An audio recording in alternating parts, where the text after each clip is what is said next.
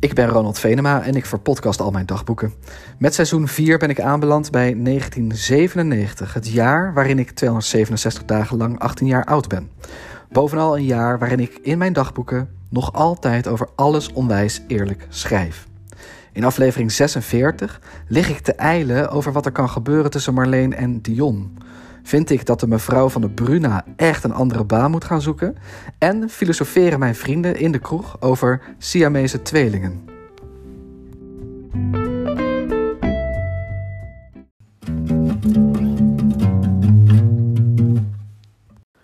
...1 mei 1997, donderdag, 9 uur 03. Het concert van Blur, eergisteren in Utrecht, was ontzettend goed.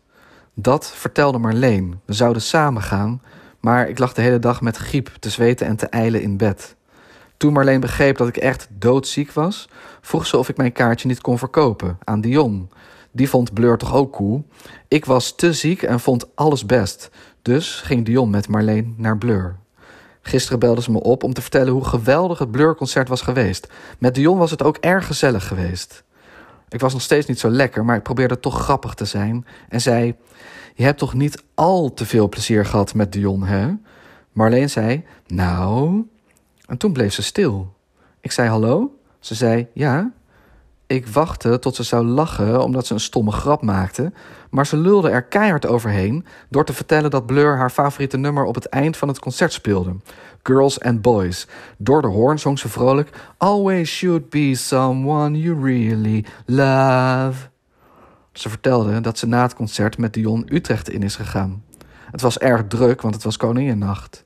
Ik vroeg hoe laat ze thuis was. Dat wist ze niet meer precies. We bleven allebei stil. Toen lachte ze en zei: Is er hier iemand jaloers? Ja, Jezus. Terwijl zij met mijn beste vriend een onwijs gave avond had, lag ik thuis in bed half te sterven. Ik zei: Nee, ik vertrouw Marleen. En Dion ook. Maar toch, zij samen, zonder mij, gezellig in Utrecht, goede muziek en drank, veel drank. Even tongen is zo gebeurd. Na haar telefoontje van gisteren heb ik nog best wat liggen eilen. Hoe Marleen samen met Dion door Utrecht loopt, eerst nog lachend naast elkaar. Ineens grijpt ze zijn hand. Dion is wat verbaasd, maar ook een beetje dronken, dus hij vindt het prima. Op de hoek van een straat is het rustig, ze houden in, staan tegenover elkaar. Dion zegt dat dit niet kan. Marleen vindt ook dat dit niet kan. En dan ineens staan ze te zoenen, mijn vriendin. En mijn beste vriend, vol passie, tongen, alsof ze snakken naar een hap lucht. Ik word er misselijk van. Ik lig me hier gewoon de ziekte in te eilen. Ik moet mijn bed uit en naar beneden om eindelijk weer wat te eten en te drinken, aansterken. En dan meteen Marleen bellen om vandaag nog met elkaar af te spreken.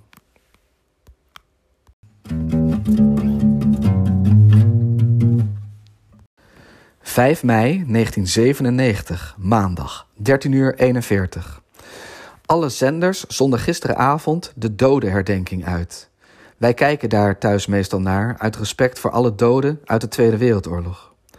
Papa doet tijdens de twee minuten stilte altijd zijn ogen dicht. Ik denk dat hij dan even aan opa Venema denkt, aan zijn vader, die aan het begin van de Tweede Wereldoorlog in de duinen lag en op de Duitsers schoot die via de zee ons land kwamen veroveren. De man die naast opa lag te schieten op de Duitsers werd in zijn been geraakt. Heftige tijd. Papa vertelt het vaak met trots dat opa in de duinen op de Duitsers heeft geschoten. Niet dat dat heel veel heeft geholpen. En trouwens, hoezo kwamen die Duitsers via de zee ons land binnen? Dat is voor Duitsers echt onwijs om. Klopt dit verhaal eigenlijk wel? Ik zal het eens navragen bij mevrouw Terlingen van geschiedenis. Voor je het weet zitten mijn vader en opa samen de geschiedenis een beetje te vervalsen. Gisteren bij de dodenherdenking las Treintje Oosterhuis een gedicht voor. Zij is zangeres van de band Total Touch. Total Touch is weer een Nederlandse band die kutmuziek maakt. Maar het gedicht van Treintje was veel beter dan je van iemand van Total Touch zou verwachten.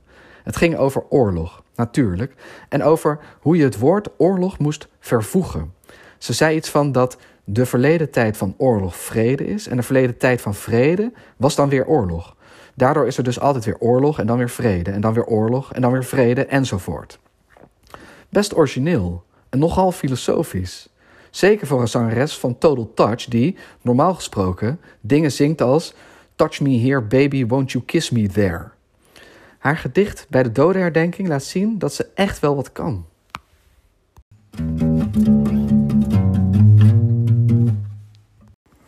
11 mei 1997, zondag, 22 uur 03. De ouders van Marleen hebben in hun huiskamer een nieuwe computer staan. Marleen en ik hebben daar vandaag wat mee zitten aanklooien. Wat nogal bizar is, je kunt op die computer ook tv kijken. Ik weet niet precies hoe, maar via het computerscherm keken we naar Cartoon Network. Soms zetten we het beeld stil, midden in een tekenfilmpje, en printen we dat beeld uit. Erg geinig. Met die nieuwe computer van de familie Bakker kan je nog iets. Het internet op. Volgens mij schrijf je internet inderdaad zo, met een hoofdletter. Ik heb het woord net opgezocht in mijn vandalen, maar internet is zo nieuw dat het woord nog niet eens in mijn vandalen staat. Marleen en ik zijn naar muziekpagina's gesurfd. Ik heb allemaal biografieën van bands gevonden. Van Marleen mocht ik ze uitprinten. Ik heb ze hier liggen. Het zijn biografieën van Blur, Radiohead en Supergrass. En een paar pagina's over de Beatles. Dion liet me laatst een liedje van hen horen. Happiness is a Warm Gun stond op een cd van Dions vader. Ik kende de Beatles vooral van die blije en verliefde hippie-troep. Zoals She Loves You, Yeah, Yeah, Yeah en dat nummer van Robert ten Brink, All You Need Is Love. Maar dat Happiness is a Warm Gun is onwijs goed. Het zou kunnen dat de Beatles nog wel meer goede nummers hebben gemaakt. Dion heeft me beloofd dat hij me binnenkort een cassettebandje geeft met daarop echt goede nummers van de Beatles. Ik ben heel benieuwd. Marleen en ik hebben na het surfen op het internet ook nog een uur geprobeerd te chatten met andere internetters over de hele wereld, maar dat is helaas niet gelukt. De moeder van Marleen vond dat we lang genoeg de telefoonlijn bezet hadden gehouden met dat internet, dus moesten we stoppen. Toen ik net thuis kwam, vroeg ik aan papa en mama of wij ook internet konden nemen op onze computer. Ze hadden wel eens van internet gehoord. Papa lachte, wees naar onze computer in de voorkamer en zei: Op ons ding kan echt geen internet hoor. Je mag al blij zijn als het toetsenbord meewerkt. Laatst deed de letter P het niet eens. Mama zei dat er van de week een floppy was blijven hangen in de computer en dat ze die er niet meer uitkreeg. Papa wilde een schroevendraaier pakken om hem eruit te vroeten, maar dat wilde mama liever niet. Als ik weer eens internet op wil, moet dat dus bij Marleen thuis.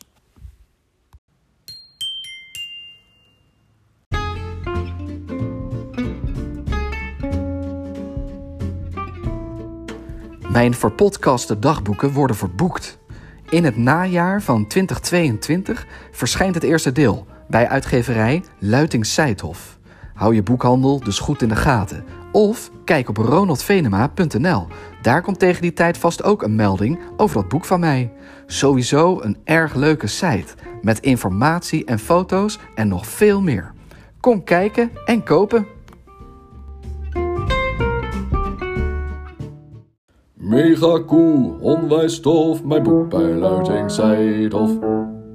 16 mei 1997, vrijdag, 16 uur 19. Ik leende gistermiddag een grote gum van mijn zusje. Ze zei dat ze hem wel zo snel mogelijk terug wilde. Prima. Maar ik vergat het toch terwijl ik op mijn kamer huiswerk zat te maken. Na een half uurtje klonk er ineens onwijs gestamp op de trap naar mijn zolder. Vera zwiepte het luik open. Als een kwade heks keek ze me aan. Ze riep dat ze nu haar gum terug wilde. Ik zei dat ik de gum nog even nodig had. Dat was niet zo, maar ik wil niet op deze manier door mijn kleine zusje worden aangesproken.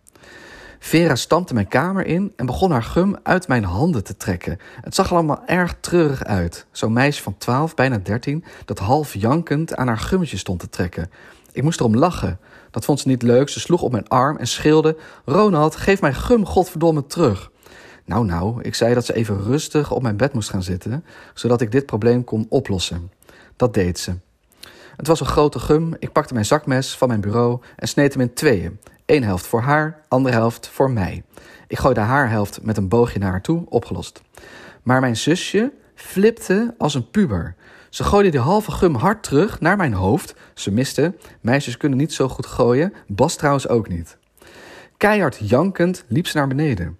Ik deed het luik weer dicht en ging verder met mijn huiswerk. Wat een gedoe om een gum. Ineens vroeg ik me af of Vera misschien al ongesteld was geworden. Dan kun je dit soort gedrag vertonen, volgens mij. Gigantische stemmingswisselingen en snoeihard janken om niks. Mama kwam naar boven om te vragen wat er allemaal aan de hand was. Ik legde het uit. Mama vond mijn oplossing niet heel geslaagd, zei ze. En ze eiste dat ik een nieuwe gum voor Vera zou kopen. Een grote. Ik ging akkoord. Het is ook wel naar als je door ongesteldheid van die stemmingswisselingen krijgt. Ik heb net een nieuwe gum gekocht bij de Bruna. Daar heb ik ook even bij de boeken gekeken. Als schrijver wil ik dus bekend worden als Walter Wilhelmus de Koning. Maar naast wie zou mijn boek dan komen te staan? Nou, naast een boek van Kees van Koten dus. Best een eer, denk ik.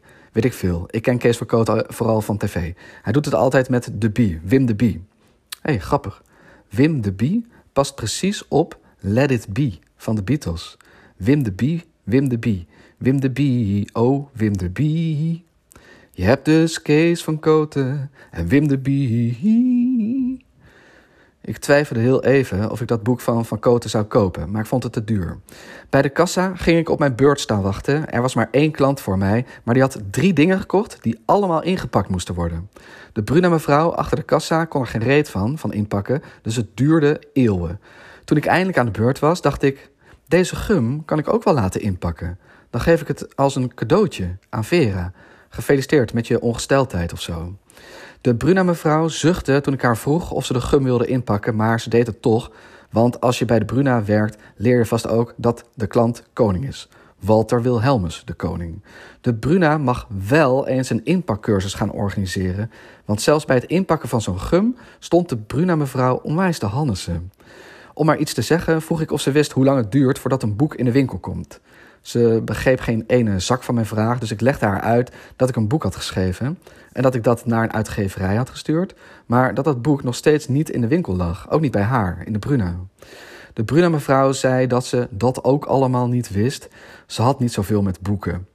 Waarom werk je dan bij de Bruna? Je moet toch iets met boeken hebben als je bij de Bruna werkt? Ik heb niets met kaas. Dan ga ik gewoon niet bij de kaasboer werken? Komt er een klant binnen die aan mij vraagt hoe die en die kaas smaakt? Ah, geen idee, meneer. Ik haat kaas. Die Bruna mevrouw moet echt een andere baan zoeken.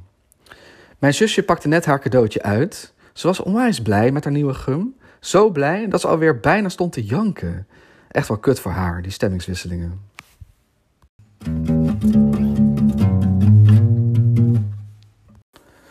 18 mei 1997, zondag, 13 uur 33, eerste Pinksterdag. Gisteren met Nathan, Ferry, Leo, Klaas en Dion naar de kroeg geweest. Een keertje zonder Marleen erbij. Ze wilde wel mee, maar vriendinnen van haar gingen ook uit. Ze vroeg aan mij of ik het erg vond als ze een keer niet met mij meeging. Ik deed alsof ik het een beetje jammer vond, maar eigenlijk best lekker als ze er eens niet bij was. Mijn vrienden vinden het volgens mij best wel irritant dat Marleen bijna altijd meekomt. Nathan zei gisteravond daar ook wel iets over toen we allemaal aan een houten staattafel in het café stonden. Hij zei: Jezus, Ronald, waar is je andere helft? Zijn jullie geen Siamese tweeling meer? Leo vroeg meteen of de operatie, waarbij Marleen en ik dan van elkaar waren losgesneden, pijn had gedaan. De anderen lachten, ik ook. Ik, ik wilde iets onwijs bijdehands terugzeggen, maar in plaats daarvan zei ik dat we heus geen Siamese tweeling zijn. Leo vroeg zich af hoe een Siamese tweeling seks heeft. Nathan zei: Vraag aan Ronald. Ik had alweer bijna spijt dat Marleen er niet bij was. Daarna begonnen we aan een behoorlijk filosofische discussie. De vraag was: hoe masturbeert een Siamese tweeling? Nathan zei dat hij, als hij de helft van de Siamese tweeling was, het masturberen aan de ander over zou laten. Maar ja, wie trekt dan wie af? En is die lul wel van jou of is die van jullie allebei? Of heb je, als je als Siamese tweeling allebei man bent, twee lullen? Dan is het wel ieder voor zich, toch? Dion merkte op dat je aan synchroon rukken kon doen. Nathan lachte. Het leek hem wel wat om met zijn Siamese tweelingbroer rukwedstrijdjes te houden. Klaas vond dat masturberen echt iets voor jezelf is. Het heet ook niet voor niets solo seks. Hij zou wachten tot de andere helft van de Siamese tweeling sliep.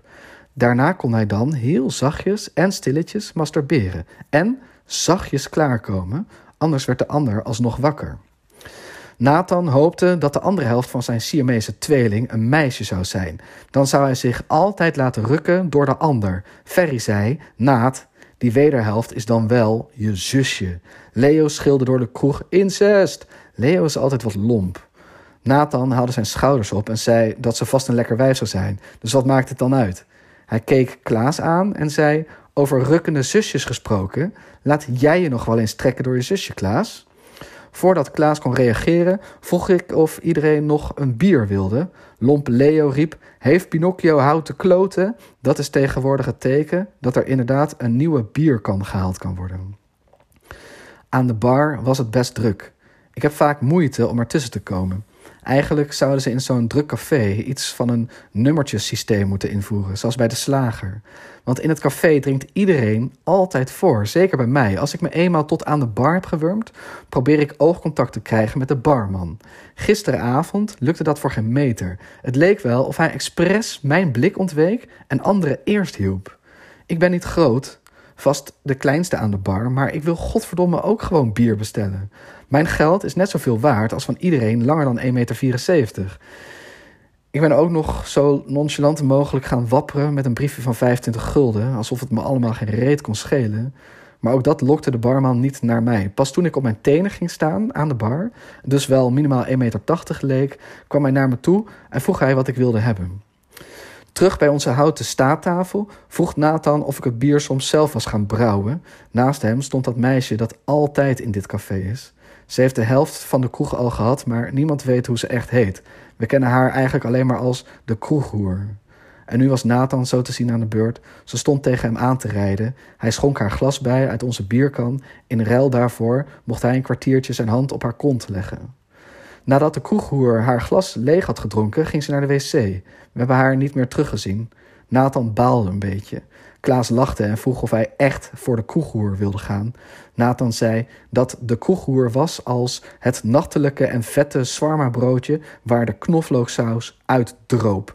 Hij zei, je weet dat je het niet moet doen, het is vies, maar na wat bier is vies ineens lekker en wil je happen. Happen, Klaas. Ferry zei dat hij de volgende ochtend vaak spijt had van die late en vette swarma broodjes. Ik heb dat ook wel. Rond half twee verlieten we de kroeg alweer. Best wel vroeg, maar Leo, Ferry, Klaas en Nathan hebben volgende week nog eindexamens. Moeten ze dit Pinksterweekend voor leren? Dan wil je niet helemaal naar de kloten zijn natuurlijk. Voordat ik op de fiets stapte, rookte ik buiten nog een sigaretje met Nathan. Hij sloeg een arm om me heen. Hij vroeg wat ik dit Pinksterweekend ging doen. Ik hoefde niet te leren voor het eindexamen. Ik zei dat ik het nog niet wist. Hij zei dat ik me eens uitgebreid moest laten pijpen door Klaas' zusje. Want volgens hem is er niets lekkerder dan een Pinksterpijpbeurt. Ik lachte en zei dat ik het een goed idee vond. Nathan weet natuurlijk niet dat ik nog nooit gepijpt ben. Of het nou Pinkster is of niet. Dit was aflevering 46 van de podcast Alles Onwijs Eerlijk. Wil je me wat vertellen? Je kunt me altijd mailen op ronaldvenema78.gmail.com of kom naar Twitter, @ronaldvenema. En nu snel de volgende aflevering luisteren. Een aflevering waarin ik me indenk hoe het is om als vrouw door het leven te gaan.